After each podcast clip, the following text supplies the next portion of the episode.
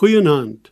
Dit kan dalk wees dat die gedeeltjie wat ek nou vir u wil voorlees of miskien moet ek sê uit hierdie spesifieke boek u heeltemal ek sou nou nie 'n te sterk woord wou gebruik deur te sê dat dit dalk koud laat nie, maar ek wil voorlees uit klaagliedere.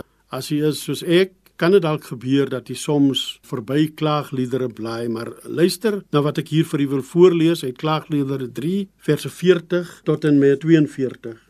Vers 40 lees soos volg: Laat ons doen en late deeglik ondersoek word, Here, sodat ons ons tot U kan bekeer.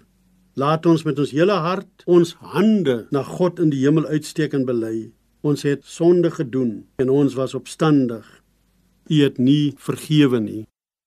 Daar is 'n aantal tekste in die Bybel waar die uitsteek van die hande die betekenis dra om God daardeur en daarmee te loof en te prys. Dit is heerlik om dit te kan doen. Die teks uit Klaagliedere 3 vers 41 gaan egter heeltemal aan die ander kant op.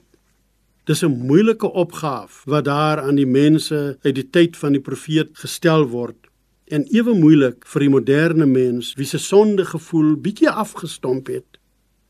Die Amerikaanse teoloog Hauerwas sê ons moet weer leer om sondaars te wees. En daarmee bedoel hy nou nie dat ons maar kan sondig soos ons lekker kry nie, maar hy verwoord miskien daarmee iets van dit waartoe Klagliedere 3 vers 41 ons wil bring. En let op watter rol die hande hierin speel. Die hande word skuldbeleidend na God uitgesteek of opgehef.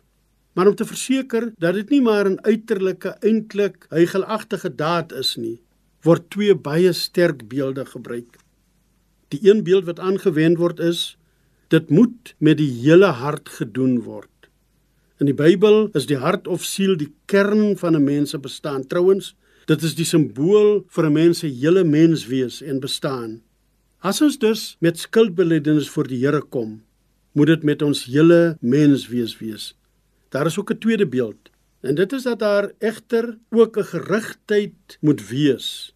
'n Gerigtheid op, soos klagliedere sê, God in die hemel. Dis 'n ander manier om te sê, doen dit met respek.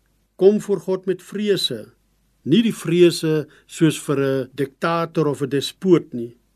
Kom voor God in ootmoed en in nederigheid en dan sal jy vergifnis vind sodat jy vry uit kan gaan om God se verteenwoordiger in die wêreld te wees. Amen.